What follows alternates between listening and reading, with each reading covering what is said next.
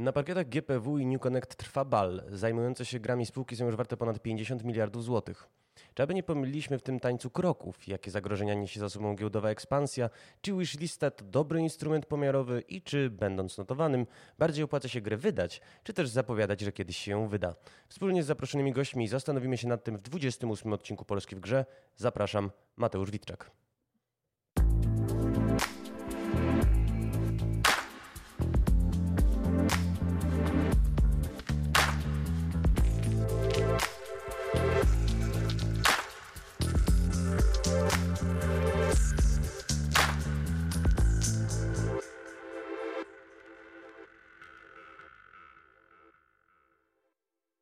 Moim i Państwa gościem jest Rafał Sankowski, prezes spółki Sonka. Witam serdecznie wszystkich gości.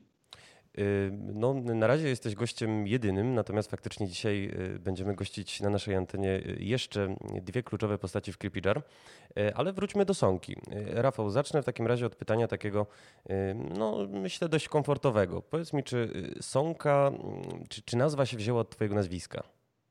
Nie, nie i to jest bardzo częste pytanie i parę osób rzeczywiście tak, znaczy większość osób tak uważało. Nie, e, nazwa wzięła się z naszych e, garażowych początków, to znaczy e, z wiceprezesa i moich. Bartek Moniewski, u którego w domu, w piwnicy mieliśmy pierwsze biuro, nie jako Sońka, tylko jako przyjaciele robiący gry, miał psa o imieniu Sońka.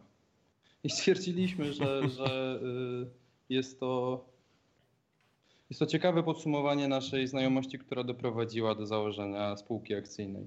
Tak, w pewnym stopniu gdzieś tam e, mieliśmy z tyłu głowy, że to się odnosi do Sankowski, e, ale może bardzo z tyłu głowy. Przede wszystkim chodzi o psa, e, który jest, był białym Westie.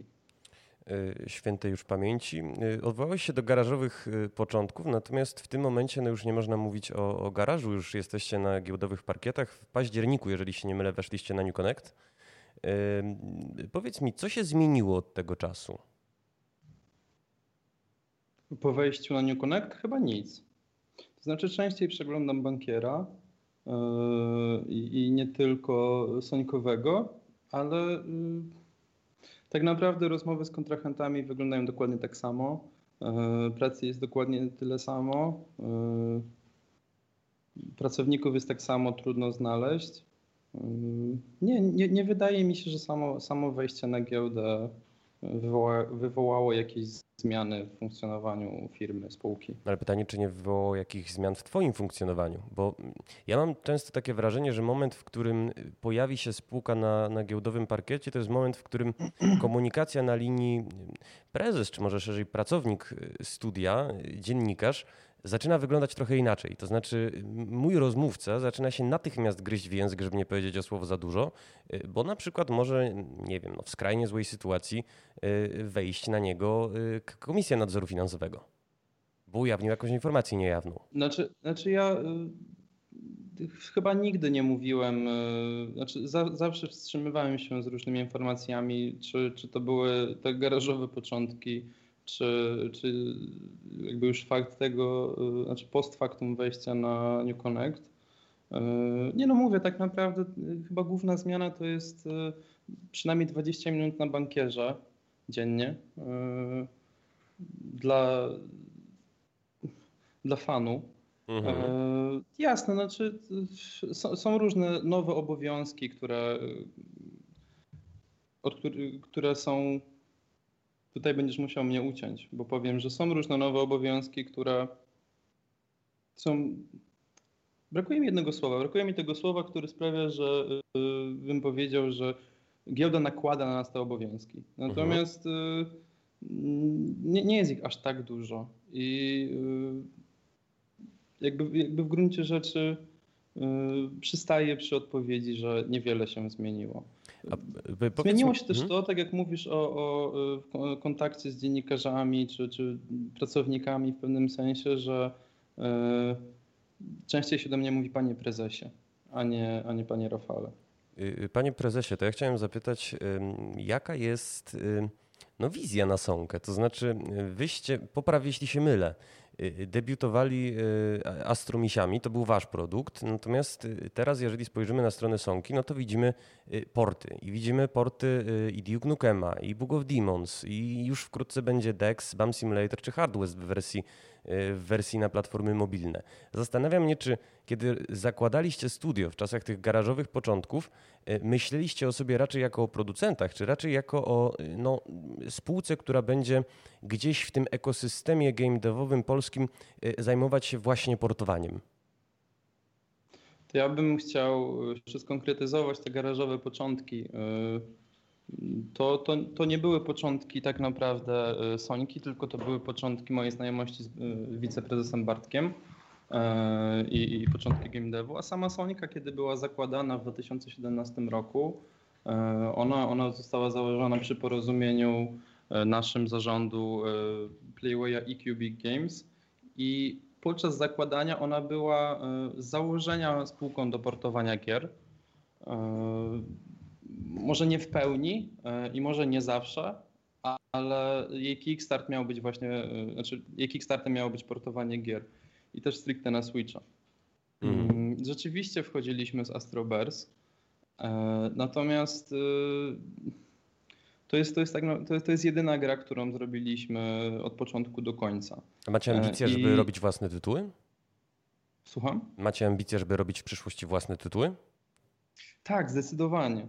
Y, na pewno, znaczy planem od zawsze było zarobienie wystarczającej ilości pieniędzy, zabezpieczenie się finansowe, żeby te własne tytuły y, nie były ryzykiem.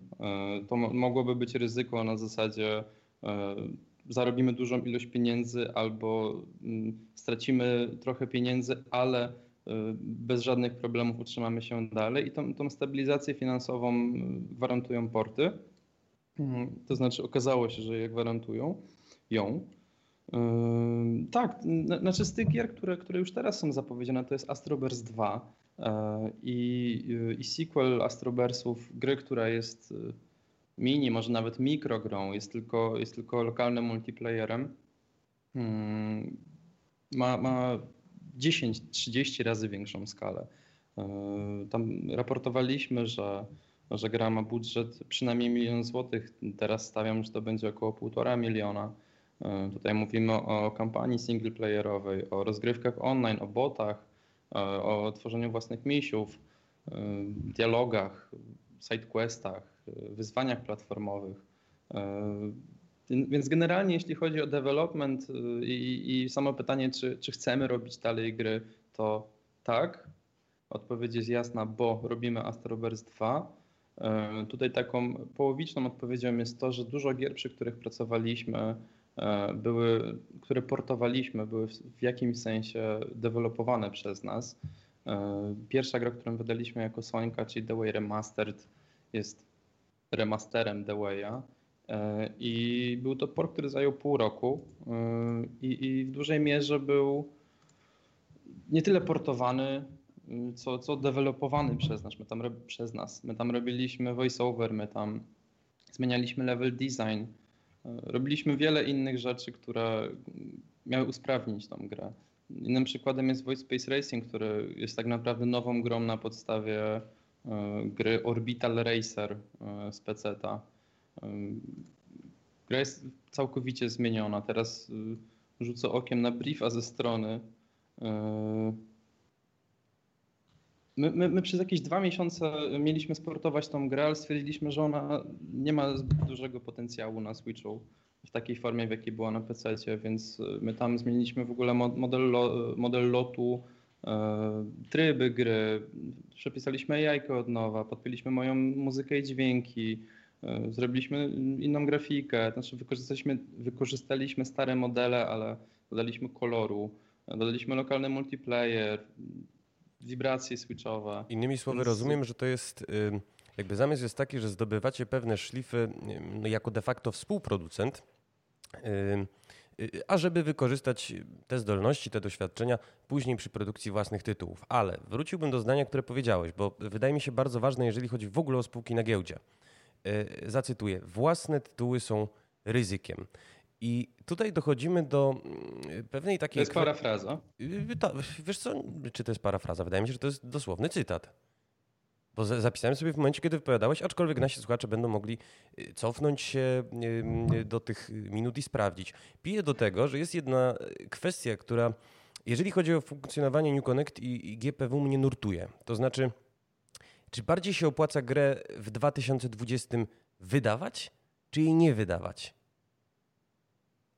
I już, y, y, jeżeli potrzebujesz, bo mam pewien follow-up, to znaczy myślę tutaj o takich spółkach jak Live Motion Games z grupy Playway, y, które nawet sobie wynotowałem, bo oni zapowiedzieli grę o walce rewolwerowców z zombie, symulator sapera, symulator piekarza, symulator dealera samochodów, symulator kuriera, symulator likwidatora czernobylskich szkód, symulator kucharza, symulator ogrodnika, symulator robotnika ja, ja, ja, i pianego Mikołaja. Dawaj. E, ja ci przerwę. E, ja, ja zrobię follow-up do, do chyba pierwszego pytania, może drugiego, na pewno, na pewno nie pierwszego. E, pytania e, o to, co się zmieniło i jak wyglądają moje na przykład wywiady i gryzienie się w język, e, mhm. gdy spółki pytają, znaczy gdy dziennikarze pytają o różne rzeczy. I to jest takie pytanie, na które jest bardzo trudno odpowiedzieć. To znaczy, jest, jest wiele gier, jest wiele spółek, e, które zapowiedziały bardzo dużo gier. E, I e, poddaje w pewną wątpliwość możliwość wykonania ich wszystkich. Więc jakby trudno się wypowiedzieć na temat konkretnie live motion games, i to jest przykład, możemy abstrahować. Chodzi mi o takie spółki, które zapowiadają 8-10 tytułów. Wiadomo, że wszystkie z nich to są preprodukcje, które y, no, jakiś zespół zewnętrzny zazwyczaj dostaje, nie wiem, x tysięcy złotych na wyprodukowanie trailera, z którego tam 8 stopklatek będzie służyć za screeny i patrzymy, czy ta gra zbiera na wishlistach zapisy. Jeżeli nie zbiera, projekt porzucamy. Jeżeli zbiera, możemy ruszyć z produkcją. Natomiast jest faktem, że mamy masę, y, no wybacz określenie, gier fejkowych, które w zasadzie nigdy nie powstaną, ale mają generować ruch, mają na New Connectie wywoływać poruszenie i zastanawiam się, wracając do tego pytania, czy bardziej się w 2020 opłaca grę wydać, czy grę zapowiedzieć? Okej, okay, powiedziałeś, za, teraz mówisz zapowiedzieć, wcześniej mówiłeś produkować, nie, y, nie wiedziałem ci, że chodzi ci o produkowanie jej y, bez końca. Nie wiem, to znaczy, my nigdy nie zapowiedzieliśmy gry. Y, my jesteśmy też bardzo dziwną spółką, jeżeli chodzi o grupę Playway, bo my nie mamy nawet konta na Steamie. Więc my nie uczestniczymy w. Y, szukam słowa, które nie byłoby pejoratywne. Mm, w tym procederze szukania wishlisty i wyceniania spółek na podstawie tej wishlisty. Mm, wydaje mi się, że to, co powiedziałeś na temat tego, że E, część z tych gier jest fejkami, które mają tylko i wyłącznie robić hype wokół spółki. E, to nieprawda. To znaczy, nie wydaje mi się, że jakakolwiek gra wyrzucana e, gdzieś tam na Steama z założenia jest fejkiem. Wydaje mi się, że to jest rzeczywiste badanie rynku. Jeżeli miałaby wystarczające zainteresowanie, to by została stworzona. Natomiast czy, czy zapowiadanie gier znaczy, ja, nie wiem, ja nie wiem, jak bardzo to się opłaca, dlatego że, y, tak jak mówiłem, to jest tylko 20 minut na bankierze dziennie, a nie dwie godziny. Y, I nie wiem, jak konkretne spółki, które zapowiadają tylko gry, y, jaką mają wycenę, jaką mają kapitalizację. Na pewno, na pewno tak czy siak bardziej opłaca się. To znaczy, pytanie, jakie było pytanie? Czy pytasz, pytasz mnie, czy lepiej być producentem, czy wydawcą, czy lepiej, yy, czy, czy, czy jest to takie trochę bardziej abstrakcyjne pytanie, które jest jednocześnie trochę komentarzem Inaczej. Wspomniałeś o tym, yy, wspomniałeś o tym, że yy, no jest pewne ryzyko związane z, ze zwodowaniem własnego tytułu, bo ten tytuł się może sprzedać, może się nie sprzedać i nastąpi jakaś weryfikacja. Jest y, trochę takich spółek, ja nie mówię tutaj tylko o Live Motion, powiedzmy, że Simfabric, które na y, pierwszy, hmm. pierwsze półrocze miało zapowiedzianych sześć tytułów, nie wydało żadnego, wszystkie się przesuwają, spółka rośnie, spółka, wiesz, wydaje komunikaty, że coś robi, podtrzymuje zainteresowanie inwestorów, czasem jakimiś prasówkami, które są totalnie bez sensu, nie? bo to, że nie wiem, pozyskała sobie firmę, która się jej będzie zajmować Silent Reviews, nie ma w zasadzie wielkiego znaczenia. To nie jest informacja dla mnie jako dla y, osoby w newsroomie atrakcyjna. Natomiast podtrzymuje ruch, podtrzymuje wrażenie, że coś się dzieje, ale ten moment weryfikacji nie następuje. Znaczy, mm, rzuciłeś kolejny ciekawy przykład, na, na który jakby komentarz jest y, bardzo trudny i mm, stawiam, że y, byliby tutaj inni ludzie, którzy potrafiliby poprawnie politycznie e, skomentować to, ale Mówimy tutaj o, o spółce totalnie innej y, wagi, kategorii niż Sońka. Simfabrik jest warty teraz jakieś pół miliarda? Pół Więcej miliarda niż Agora. milionów? Słucham? Więcej niż Agora, jeżeli się nie mylę. E, Simfabrik według giełdy jest warty pewnie jakąś jedną szóstą Playwaya, więc y, na pewno nie mówimy tutaj o realnej wartości. Na pewno mówimy tutaj o tym, że, że ta spółka znaczy, a, albo Playway jest źle wyceniony, albo Simfabrik, nie?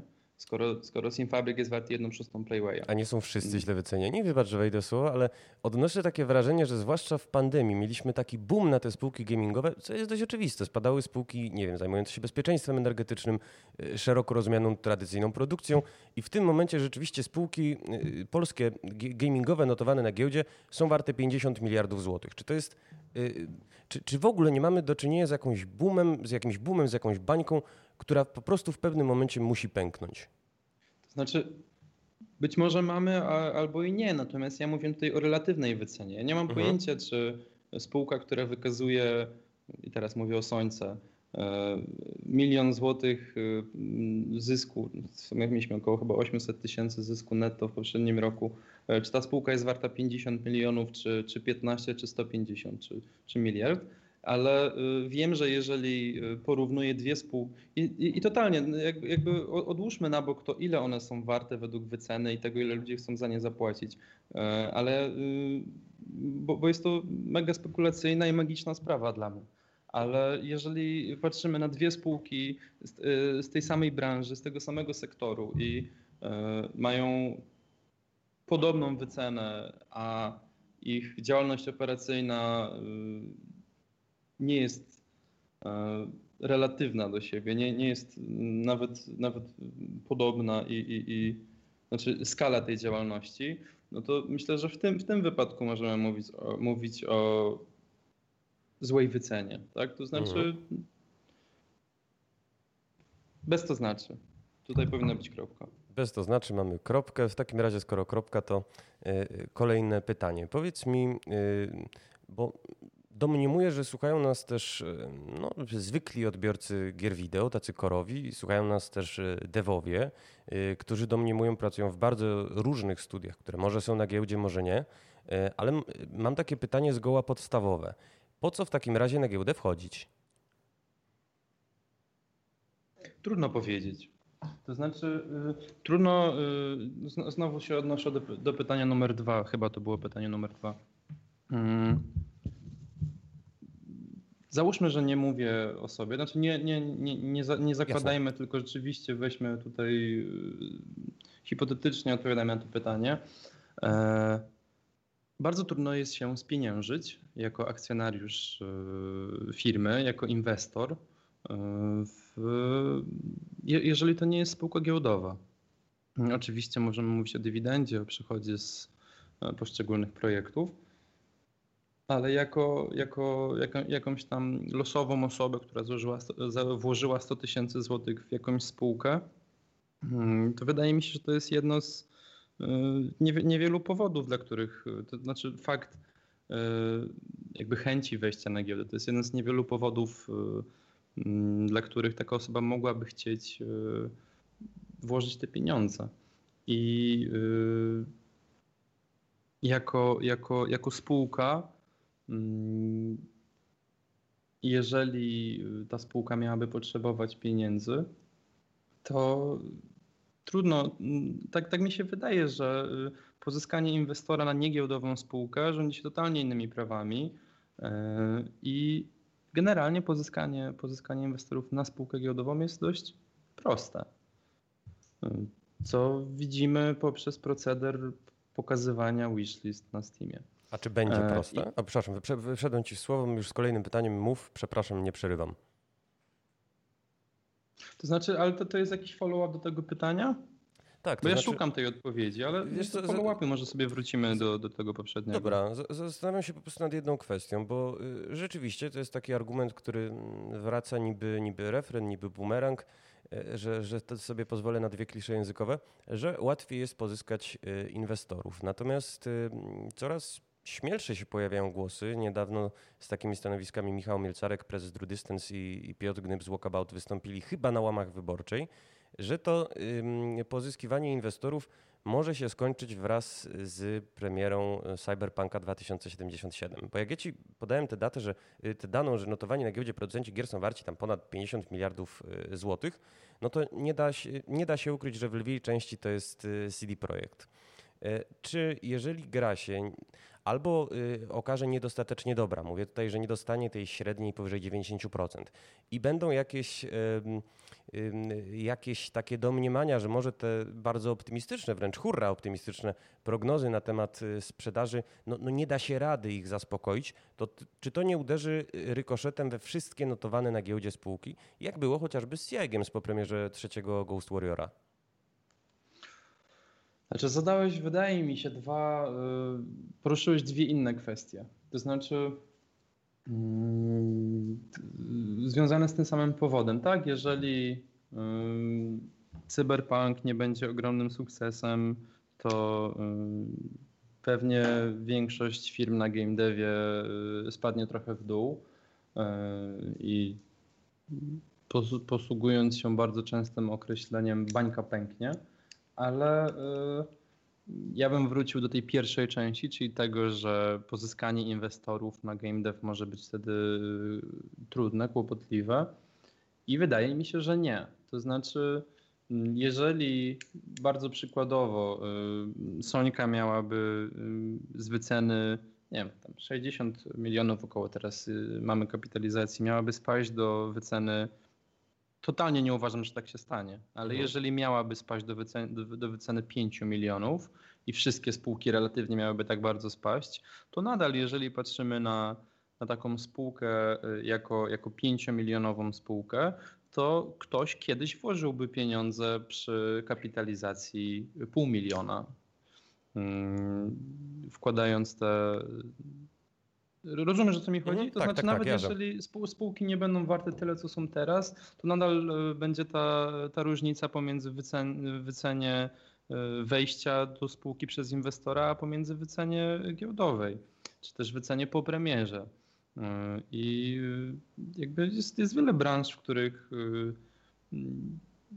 które nie są aż tak spekulacyjne, który, w których nie ma aż takich baniek. Jest wiele branż, w których nie ma CD projektu i one też sobie jakoś tam radzą z pozyskiwaniem inwestorów.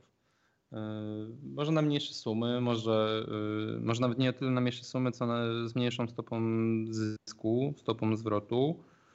Kurde, powinienem sobie już używać terminów, których nie, nie rozumiem do końca, ale z mniejszym zyskiem dla inwestora, ale e, nadal jakby wydaje mi się, że to, to, to będzie funkcjonowało Świat zawsze. się tak? kręci, tak? jasne włożę 100 tysięcy, żeby, żeby wyjąć 125, a nie, a nie 2 miliony, ale, ale włożę. Okej, okay, to na koniec mam pytanie. Mm, ono będzie trochę nawiązując do takiej nomenklatury baseballowej home runem. Y, y, bardzo mnie ciekawi, jak w ogóle doszło do Waszej współpracy z Gearboxem. Już w ogóle abstrahujemy od tematu giełdy. Jak doszło do Waszej współpracy z Gearboxem, jak ona się układała? No bo przypomnijmy, że Sonka odpowiada za port Duke Nukem 3D. Wiesz co, po pierwsze znowu y, muszę wrócić do któregoś z pytań y, i poprawić swoją odpowiedź, czyli rzeczywiście fakt bycia spółką notowaną na giełdzie y, na pewno, na pewno pomógł przy tym, że udało nam się podpisać umowę na taki port. Być może udałoby się też bez, bez tego faktu, ale, ale na pewno łatwiej spółce z zagranicy, wielkiej korporacji y, zaufać, powierzyć taki projekt jak Duke y, spółce giełdowej, a nie, a nie spółce jakiejś tam. A no, jeśli chodzi o, tak, o taką prostą odpowiedź, to mamy swoich ludzi, którzy szukają dla nas tego rodzaju zleceń i ta osoba znalazła dla nas to zlecenie. Później negocjowaliśmy przez 8 miesięcy albo 5. E, w każdym razie, w każdym razie około pół roku. Mhm. I, i, i tyle. Jakby nie, nie było tutaj jakiejś magicznej historii i yy, przypadkowego spotkania w kawiarni na rogu. Yy. Był natomiast to... biznes, ciężka praca i, i renoma, którą sobie poprzednimi portami już zdążyliście zapewnić. Tak myślę, tak. Myślę, myślę, jasne. E, Rafale, w takim razie życzę powodzenia e, Tobie i, i Sące przy przyszłych projektach. E, Astrobersów sequela też się już doczekać nie mogę. Moim i Państwa gościem był Rafał Sankowski, prezes Sonki. Nagródźmy go brawami. Dzięki piękne i do usłyszenia. Bardzo dziękuję.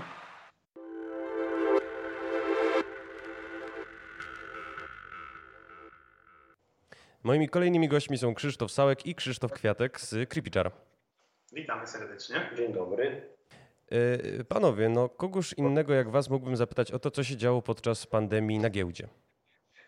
No, no, ogólnie to my nie jesteśmy jakby ekspertami od rynków finansowych, natomiast... Y, nie śledzimy też ich z zapartym tchem. tak. Natomiast no, z tego, co tam zdążyliśmy zauważyć yy, i też podpytać się ludzi, którzy trochę jakby więcej się na tym znają, no to wyglądało na to, że po prostu ten pierwszy efekt, kiedy to giełda bardzo mocno y, spadła, na przykład y, biorąc y, na cenę na, na przykład naszych akcji, czyli Creepy Jar na tapetę, no to w pewnym momencie osiągnęliśmy takie minimum 110 zł, tam z poziomów pewnie 180-190 zł. No to chyba dwukrotnie. Tak, prawie dwukrotny spadek wartości akcji. Natomiast to było bardzo chwilowe i to był efekt jakiejś totalnej paniki na wszystkich, na wszystkich rynkach, więc wiadomo, że, że ten nasz, nasza giełda podąża chyba tak. jakby mocno patrząc na jakieś trendy światowe. Giełdy więc... nowojorską i inne takie światowe duże tak. giełdy. No, natomiast też ludzie chyba bardzo szybko zauważyli, że akurat dla spółek gamingowych to ten okres pandemii to nie jest wcale taki zły, bo ludzie po prostu siedzą w domach i oglądają filmy i grają w gry. Tak, tak my, my jakby w ogóle się nie orientowaliśmy, co się dzieje na innych spółkach niż w naszej branży. Tak, tak. Więc jakby obserwowaliśmy tylko siebie i obserwowaliśmy nasz sektor i wszędzie to wyglądało tak samo, czyli straszny spadek, to nie wiem, to było kwestia jednego dnia takiego tak, spadku. Tak, Natomiast y, no i doskonała okazja dla zakupów, jeśli ktoś się jakoś tam orientował trochę bardziej, nie wiem, jakby to, jak Krzysiek wspominał wcześniej, to nie jest coś, w czym się jakoś tam biegle poruszamy, ale tak no, fundamentalnie to, no to, to po prostu jakby zupełnie nie wiadomo dlaczego tak to spadło. No, znaczy to był efekt paniki zupełnie nie poparty jakimś takimi realnym wpływem tego koronawirusa, przynajmniej na branżę gamingu, no bo to, że wszystkie spółki gdzieś tam o połowę ich y, wycena spadła w ciągu jednego dnia yy, i a, a koronawirus spowodował, że sprzedaż w zasadzie w sektorze gier wzrosła, tak. to, to, to zaraz się wszyscy zorientowali chyba w ciągu tam następnego, z tego co pamiętam, tygodnia czy, czy, czy dwóch to wszystko wróciło do, do poziomów sprzed paniki. Tak, także to była taka globalna panika, dotknęła wszystkich rynków. No, tak na zdrowy rozum nie powinna dotknąć gamingu, powinna bardziej, nie wiem, branżę turystyczną, e, przewoźników lotniczych, no oczywiście wszystko. Prawdopodobnie dotknęła. No dokładnie. Tak. Natomiast nie jest coś, co właśnie śledzimy i, i patrzymy. Natomiast jak te gorące głowy się nieco y, ochłodziły, to słuchajcie, zanotowaliśmy rekordy. To znaczy y, producenci gier y, notowani na giełdzie są już warci 50 miliardów złotych, a jeden z was, konkretnie Krzysztof Kwiatek, uplasował się na liście Forbesa wśród najszybciej bogacących się Polaków podczas pandemii. Pierwsze miejsce dla porządku powiem, że zajmuje Paweł Marchewka, później jest wierchuszka CD Projektu, Ten Square Games i Playway. E, czy faktycznie Creepy Jar, można tak powiedzieć, bo już z tego lockdownu żeśmy wyszli trochę, trochę tygodni temu, Creepy Jar na pandemii zyskał? Y, no to jest bardzo y, trudno tak jednoznacznie stwierdzić, bo to się to też tak jakby troszeczkę zbiegło z premierą naszego mhm. koopa, naszego trybu kooperacji. Natomiast to kwestia chyba tygodnia, tak, czy półtora tygodnia po, po jakby wybuchu największej paniki my wydaliśmy koopa i tak naprawdę to y, no, koop, czy, czy pandemia, czy nie, to prawdopodobnie jakby wystrzeliłby naszą grę na podobne poziomy sprzedaży. My z tego, co sobie tylko patrzyliśmy tutaj w tym takim okresie jeszcze przed koopem, bo mieliśmy powiedzmy sobie tydzień obserwacji tego, co się dzieje z naszą grą. Nawet to nie był tydzień, dlatego że powiedzmy taka mega panika to wybuchła tydzień, powiedzmy, tak mi się zdaje, że to był tydzień mniej więcej przed premierą. Mhm. Natomiast ostatnie parę dni przed premierą to już był wzrost podkołowa. To było widać ewidentnie, bo e, już jakaś tam powiedzmy nasza machina, szumnie mówiąc, reklamowa ruszyła, więc coraz więcej ludzi zaczęło się znowu dowiadywać o Green Hellu i że będzie koło, więc te ostatnie dni to były wzrostowe. Natomiast chyba to, wydaje mi się, że to było około 20% sprzedawalności naszej gry yy, względem tego, tak, okresu powiedzmy przedkoronawirusowego. Także bardzo trudno nam jest takie super jednoznaczne wnioski wyciągnąć, ale dało się tam zaobserwować, no właśnie tak jak Krzysiek mówi, taki 20% wzrost w związku z samym koronawirusem. Natomiast nie wiem, wydaje mi się, że jednak jakby w takim ujęciu globalnym pod tytułem gdzie byłby teraz Greenhell, gdyby nie ta pandemia, która no, chwilę potrwała i, i powiedzmy jest cały czas, ale świat zaczął sobie tam żyć z powrotem, wracać do normalności, tak? I, I, ludzie też wrócili do normalnego życia, już nie wszyscy siedzą cały czas i nie grają, nie, nie oglądają Netflixa. Y, więc no to chyba jakieś, nie wiem, może jak mówił pomijalne, to byłoby za dużo powiedziane, ale no, jakby tak w perspektywie naszej ostatnich no, życia Greenhella przez ostatnie 2,5 roku, tak, na jego sprzedaży na Steamie, no to, to troszkę nam akurat pre, premierze troszkę pomogło, no ale to są jakieś kwestie pewnie kilkunastu procent, yy, bo myślimy, że, że, że Greenhell równie dobrze by sobie poradził yy, i, i ko bez tego wszystkiego. E, no na pewno macie na poparcie tych, tych słów twarde liczby. Pamiętam, że przed wprowadzeniem koopa komunikowaliście, że sprzedaliście 400 tysięcy egzemplarzy. Nagle ta liczba wzrosła do 700 tysięcy, a teraz no jest, mówiąc kolokwialnie, okrągła bańka. Natomiast wy jesteście w bardzo komfortowej, odnoszę wrażenie, sytuacji, w której możecie pochwalić się twardymi liczbami, ale bardzo duża część spółek, które komunikuje swoje postępy, posługuje się inną kategorią, czyli wishlistami. E, I pamiętam, że jak rozmawialiśmy podczas konferencji Gaming na giełdzie, e, to wyście byli w trochę awangardzie do, do reszty naszych rozmówców, e, w których zresztą bardzo wielu było właścicieli, prezesów spółek. Twierdziliście, że te wishlisty to nie jest do końca taki instrument miarodajny. Czy moglibyście to teraz trochę rozwinąć dla naszych słuchaczy? Tak, no, znaczy generalnie my mamy słabą próbkę, bo po prostu mamy jeden produkt, na którym możemy bazować. No, natomiast obserwując ten jeden produkt, y, mając jakby tylko dane dotyczące, dotyczące ilości graczy, którzy się zapisali na listę, nie potrafilibyśmy sami wyciągnąć takich jednoznacznych wniosków, bo liczba nawet, nie wiem, 600 czy 700 tysięcy niewiele mówi o tym, y, na co ci gracze czekają. Y, czy, czy gracze czekają na jakiś konkretny dodatek, czy gracze czekają na, na przykład na jakąś bardzo dużą obniżkę ceny, jakąś promocję. Część z nich czeka na niską promocję, w sensie 20%. Tak. Yy, część może czeka na 60, no bo my też robimy te promocje. Mamy naszą wishlistę, która gdzieś tam pewnie yy, jest w okolicach 900 tysięcy No, to znaczy, to jest jakaś tam informacja jawna, bo ostatnio żeśmy mówili o 800, tam kilkudziesięciu tysiącach. Więc ta myślista jest bardzo duża. Natomiast jak, jak robimy update, to część jakaś mała się zwalnia.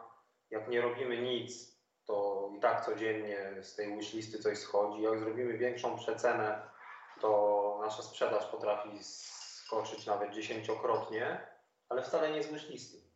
Tak. Yy, oczywiście z wishlisty proporcjonalnie rośnie, ale to nie jest tak, że my robimy przecenę 20% i nagle z wishlisty nam schodzi 100 tysięcy yy, sprzedanych sztuk. Nie, tak naprawdę z wishlisty schodzi nam wtedy 10 mm, tysięcy sztuk, ale w tym samym czasie 10 tysięcy sztuk y, znowu, czy 10 tysięcy osób dodaje się znowu do wishlisty, więc to jakoś tam sobie żyje swoim życiem. Natomiast y, do tego mm, jakby takiego stwierdzenia, y, które na początku, którego na początku użyłeś, że gdzieś tam powiedzmy byliśmy w awangardzie, która nie do końca to w tą wishlistę jakoś tam, nie wiem, wierzy czy inwestuje czas, bo to jest jakby tylko nasze zdanie i, i my po prostu chyba nie do końca, tak jak wtedy mówiliśmy, nie do końca zwracamy uwagę na, na, na tą listę, tak. ale być może ktoś zwraca, znaczy z tego co, co wiemy, to zwracają i być może oni jakieś inne są w stanie wyciągnąć wnioski i coś tam estymować nawet na, na jej podstawie. My tak naprawdę patrzymy na naszą realną, dzienną, bieżącą sprzedaż. Jak widzimy, jak update'y ją podbijają, widzimy jak jakieś e, ciągłe rozszerzanie kontentu gry, na, na, to wszystko wpływa. Wydaje mi się, że w naszym przypadku też yy, Greenhand jest sellerem. Yy, I no nas nie do końca interesuje coś takiego, że my mamy premierę, przed którą pompuje się wishlista, patrzymy na tą wishlistę, zastanawiamy się, co się wydarzy i ona dla nas jest jakimś wskaźnikiem. Nie, Greenhand wchodził na rynek, to na wishliście było chyba niecałe 40 tysięcy. 38 bodajże tysięcy. Tak. I tak, i nie wiedzieliśmy zupełnie jaka będzie konwersja, natomiast no my... A teraz mamy już sprzedany milion sztuk i teraz jakby jak odnieść te 38? No każda gra działa inaczej. Nasza gra tak naprawdę miała już wiele swoich premier. Tak, pomijając dwie takie duże, nawet trzy z koopem, tak? czyli trzy takie duże, bo Early Access, wyjście z Early Accessa i koop to takie powiedzmy jakieś duże milestone, ale po drodze było jeszcze dziewięć mniejszych, które zwiększały kontent tej gry bardzo mocno. Tak. E, więc e, no, nasza wishlista prawdopodobnie zachowuje się zupełnie inaczej niż, niż wishlisty z innych produktów. innych produktów, innych producentów, więc no tak, i tutaj właśnie problemem w tym jest jakby ten współczynnik konwersji. On się waha tak naprawdę od 0,1% do kilkuset procent, więc naprawdę to jest bardzo, bardzo trudno. A każdy gdzieś próbuje znaleźć jeden wzór, taki jeden szablon, że gdzieś znajdzie tą złotą odpowiedź, tak? że mu się z wishlisty przekonwertuje w ciągu roku ileś tam. Procent, tak? No jednemu no, się konwertuje 40%, ale... innemu 0,1, a jeszcze komuś innemu 400, tak, czy 4000. Także bardzo naszym, naszym zdaniem, tylko podkreślamy, mhm. my mamy mało jeden produkt, więc to po prostu z naszych obserwacji... Naszym zdaniem na przykładzie Green Hella. Tak, więc nam, na przykład dla nas, tak jak też wspomnieliśmy podczas tej naszej poprzedniej rozmowy, lepszym przelicznikiem jest współczynnik komentarzy. Y, to jeżeli y, jakaś spółka podaje wynik sprzedażowy, można sobie mm, ten współczynnik bardzo szybko obliczyć. Sprawdzamy ilość komentarzy na Steamie, sprawdzamy ile, jaki komunikat był spółki, ile, ile spółka sprzedała, sprzedała i mamy współczynnik y, z, du z dużo większym, naszym zdaniem, y, przybliżeniem można określić, jaka jest sprzedaż gry. Y, tej awangardy, nawiasem mówiąc, użyłem z pewną sympatią, bo mm, mamy dzisiaj temat giełdowy i odnoszę wrażenie, że Creepy Jar jest taką spółką, która działa, takim studiem, które działa dość klasycznie. To znaczy macie jakąś grę, szlifujecie ją, wydajecie, w międzyczasie zresztą, znaczy później bardzo dobrze prowadzicie i, i faktycznie ten długi ogon jest niezaprzeczalny. Natomiast mamy na giełdzie w tym momencie masę spółek, które idą w zgoła alternatywny model. To znaczy potrafią zapowiedzieć, jak nie wiem, Globe Game Studio, siedem tytułów na raz. Wszystkie są w zasadzie no, interaktywne, znaczy są trailerami, bo jeszcze nie, nie doszło do produkcji jakiegoś builda. No i te już listy te wishlisty decydują o być albo nie być tych produktów. No i takich spółek już jest dużo, a w dodatku y, strefa inwestorów szacuje, że wkrótce y, może dojść do debiutów 26 kolejnych. Y, większość z nich będzie związana kapitałowo z grupą Playway. I pytanie, czy Creepy Jar no nie jest mimo wszystko w tej takiej nowej normalności studiem awangardowym, bo wydaje mi się, poprawcie, jeśli się mylę, że jeżeli chodzi o debiuty na New Connect, masa jest studiów, które no, mimo wszystko stawiają na ten model preprodukcyjny. E, no ciężko odpowiedzieć tak naprawdę, bo to chyba wszystko wynika z tego, jakie my mamy, jakie my zakładając Creepy mieliśmy i wciąż mamy podejście, więc jakby dla nas od samego początku y, było jasne, że my się spotykamy tutaj, żeby y, zrobić y, jakieś fajne IP, fajne, duże IP w tym segmencie indie premium i budować później powiedzmy markę naszego studia, bazując na jakimś fajnym, dużym produkcie, a, a dużym produkcie dlatego, że my przez całe życie duże produkty jakby pracowaliśmy przy takich grach, które robi się rok, co najmniej rok. Nawet jak robiliśmy skoki narciarskie z Adamem Małyszem w 2002 roku, to robiliśmy je rok. Yy, jak robiliśmy później wyścigi na kładach, to to też były produkcje, które nie trwały mniej niż rok. Yy, były na wszystkie konsole, gdzieś tam jeszcze współpraca przy Dying Light, przy Dead Island. Yy, no po prostu się w takich jakby wychowaliśmy na pracy przy tego typu produkcjach nie znamy się na innych mniejszych, powiedzmy, że, że zróbmy grę, która będzie kosztowała 200 tysięcy złotych. Yy, a no, my też w sumie Creepy Jar nie powstawał z zamysłem o zdobywaniu inwestorów yy, i, i o tym, żeby od tej strony zaczynać. No, tak naprawdę na początku to w ogóle była spółka ZOO i gdzieś tam po głowach nam chodziło, że, żeby tego Greenhella nawet jakimiś własnymi tam powiedzmy nakładami finansowymi spróbować finansować. Oczywiście on by był dużo mniejszy, dużo gorszy i tak dalej. Dłużej by to wszystko trwało. Tak, ale no to jakby chodzi, tutaj zmierzam do tej naszej powiedzmy filozofii życiowej, takiej jeśli chodzi o Creepyjara, że, że to nie powstało po to, żeby mm, żeby pierw zachęcić inwestorów, a później być może się coś sprzeda, yy, tylko chcieliśmy zrobić grę gdzieś po drodze poszliśmy tą drogą e, jednak spółki akcyjnej, e, zachęceni prze, przez jakichś tam znajomych wieloletnich i w ten sposób po prostu sfinansowaliśmy ten produkt. Natomiast filozofia pozostała taka, że no, my chcemy jakby robić gry, które się, są duże, są fajne, sprzedają się. A giełda jest tak troszkę zawsze na drugim miejscu. Nie chcemy tak. też jakby... Środek do celu, nie cel sam w sobie.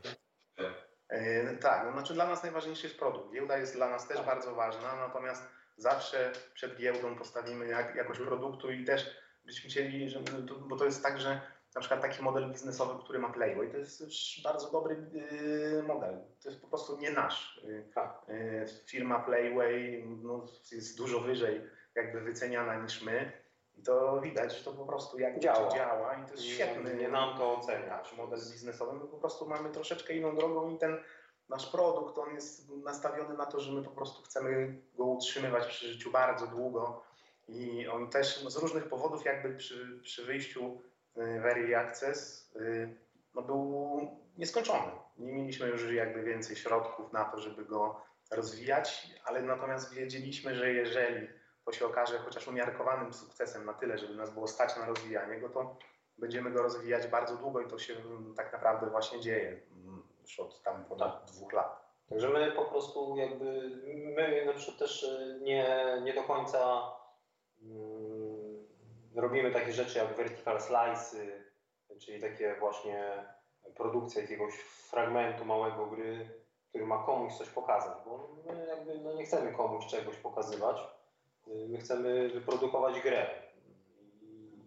I pokazujemy tą grę wtedy, kiedy ona się nadaje do pokazania, ale kiedy już można w nią zagrać i, i jakby pod tym kątem ją ocenić. Czyli no, tak, tak samo będzie z Chimerą, znaczy następnym produktem.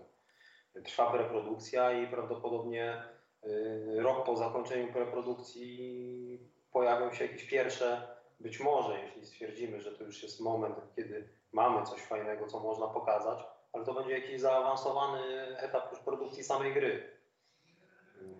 No więc to jest taka nasza ścieżka i nam się, my się w tym dobrze czujemy i, i chyba też jakby grono inwestorów y, docenia, że, że akurat taką drogą idziemy. No, y, muszę przyznać, że jako gracz wychowany na tytułach, no, no właśnie klasycznych, również po prostu prywatnie doceniam, doceniam tę ścieżkę. Y, y, Odnośnie do Chimery, panowie, kiedy będziemy mogli coś zobaczyć, coś usłyszeć, bo rzeczywiście ona się pojawia bardzo często nawet na polskim game devie w tle jakichś newsów odnośnie do aktualizacji Green Hellowych, który no wciąż jest rozwijany, przypomnijmy. Aczkolwiek no, już by się chciało czegoś nowego posmakować, mogę powiedzieć, z perspektywy odbiorcy. No, myślę, że to jest jeszcze sporo za wcześnie, żeby cokolwiek pokazać. Naprawdę jeszcze musimy sporo pracy w to włożyć, żeby było się czym pochwalić. Natomiast jakby preprodukcja jest już daleko, a, tak naprawdę preprodukcja to nam tutaj w studiu ma y, wyjaśnić pewne rzeczy, tak. czy udowodnić, czy koncepcja jest słuszna. Tak, czy mechaniki, kluczowe mechaniki to są właśnie te, które gdzieś ten lub grywalnościowy zbudują i pozwolą go rozwijać, żeby, żeby to było setki godzin fajnej zabawy. Także no, my tu na razie jesteśmy na etapie, że sami sobie jakieś rzeczy udowadniamy y, i, i jeszcze nie myślimy o tym, żeby no nie prędko. Tym bardziej, że Chimera to będzie też złożony produkt, tak samo jak Green Hell. Tam jest mnóstwo możliwości i myślę, że nie wiem, sam screenshot, który pokaże ładne otoczenie, to jest po prostu za mało. Trzeba pokazać, nie wiem, kawałek gameplayu, chociaż jakiś fajny trailer, a do tego jeszcze naprawdę daleka droga.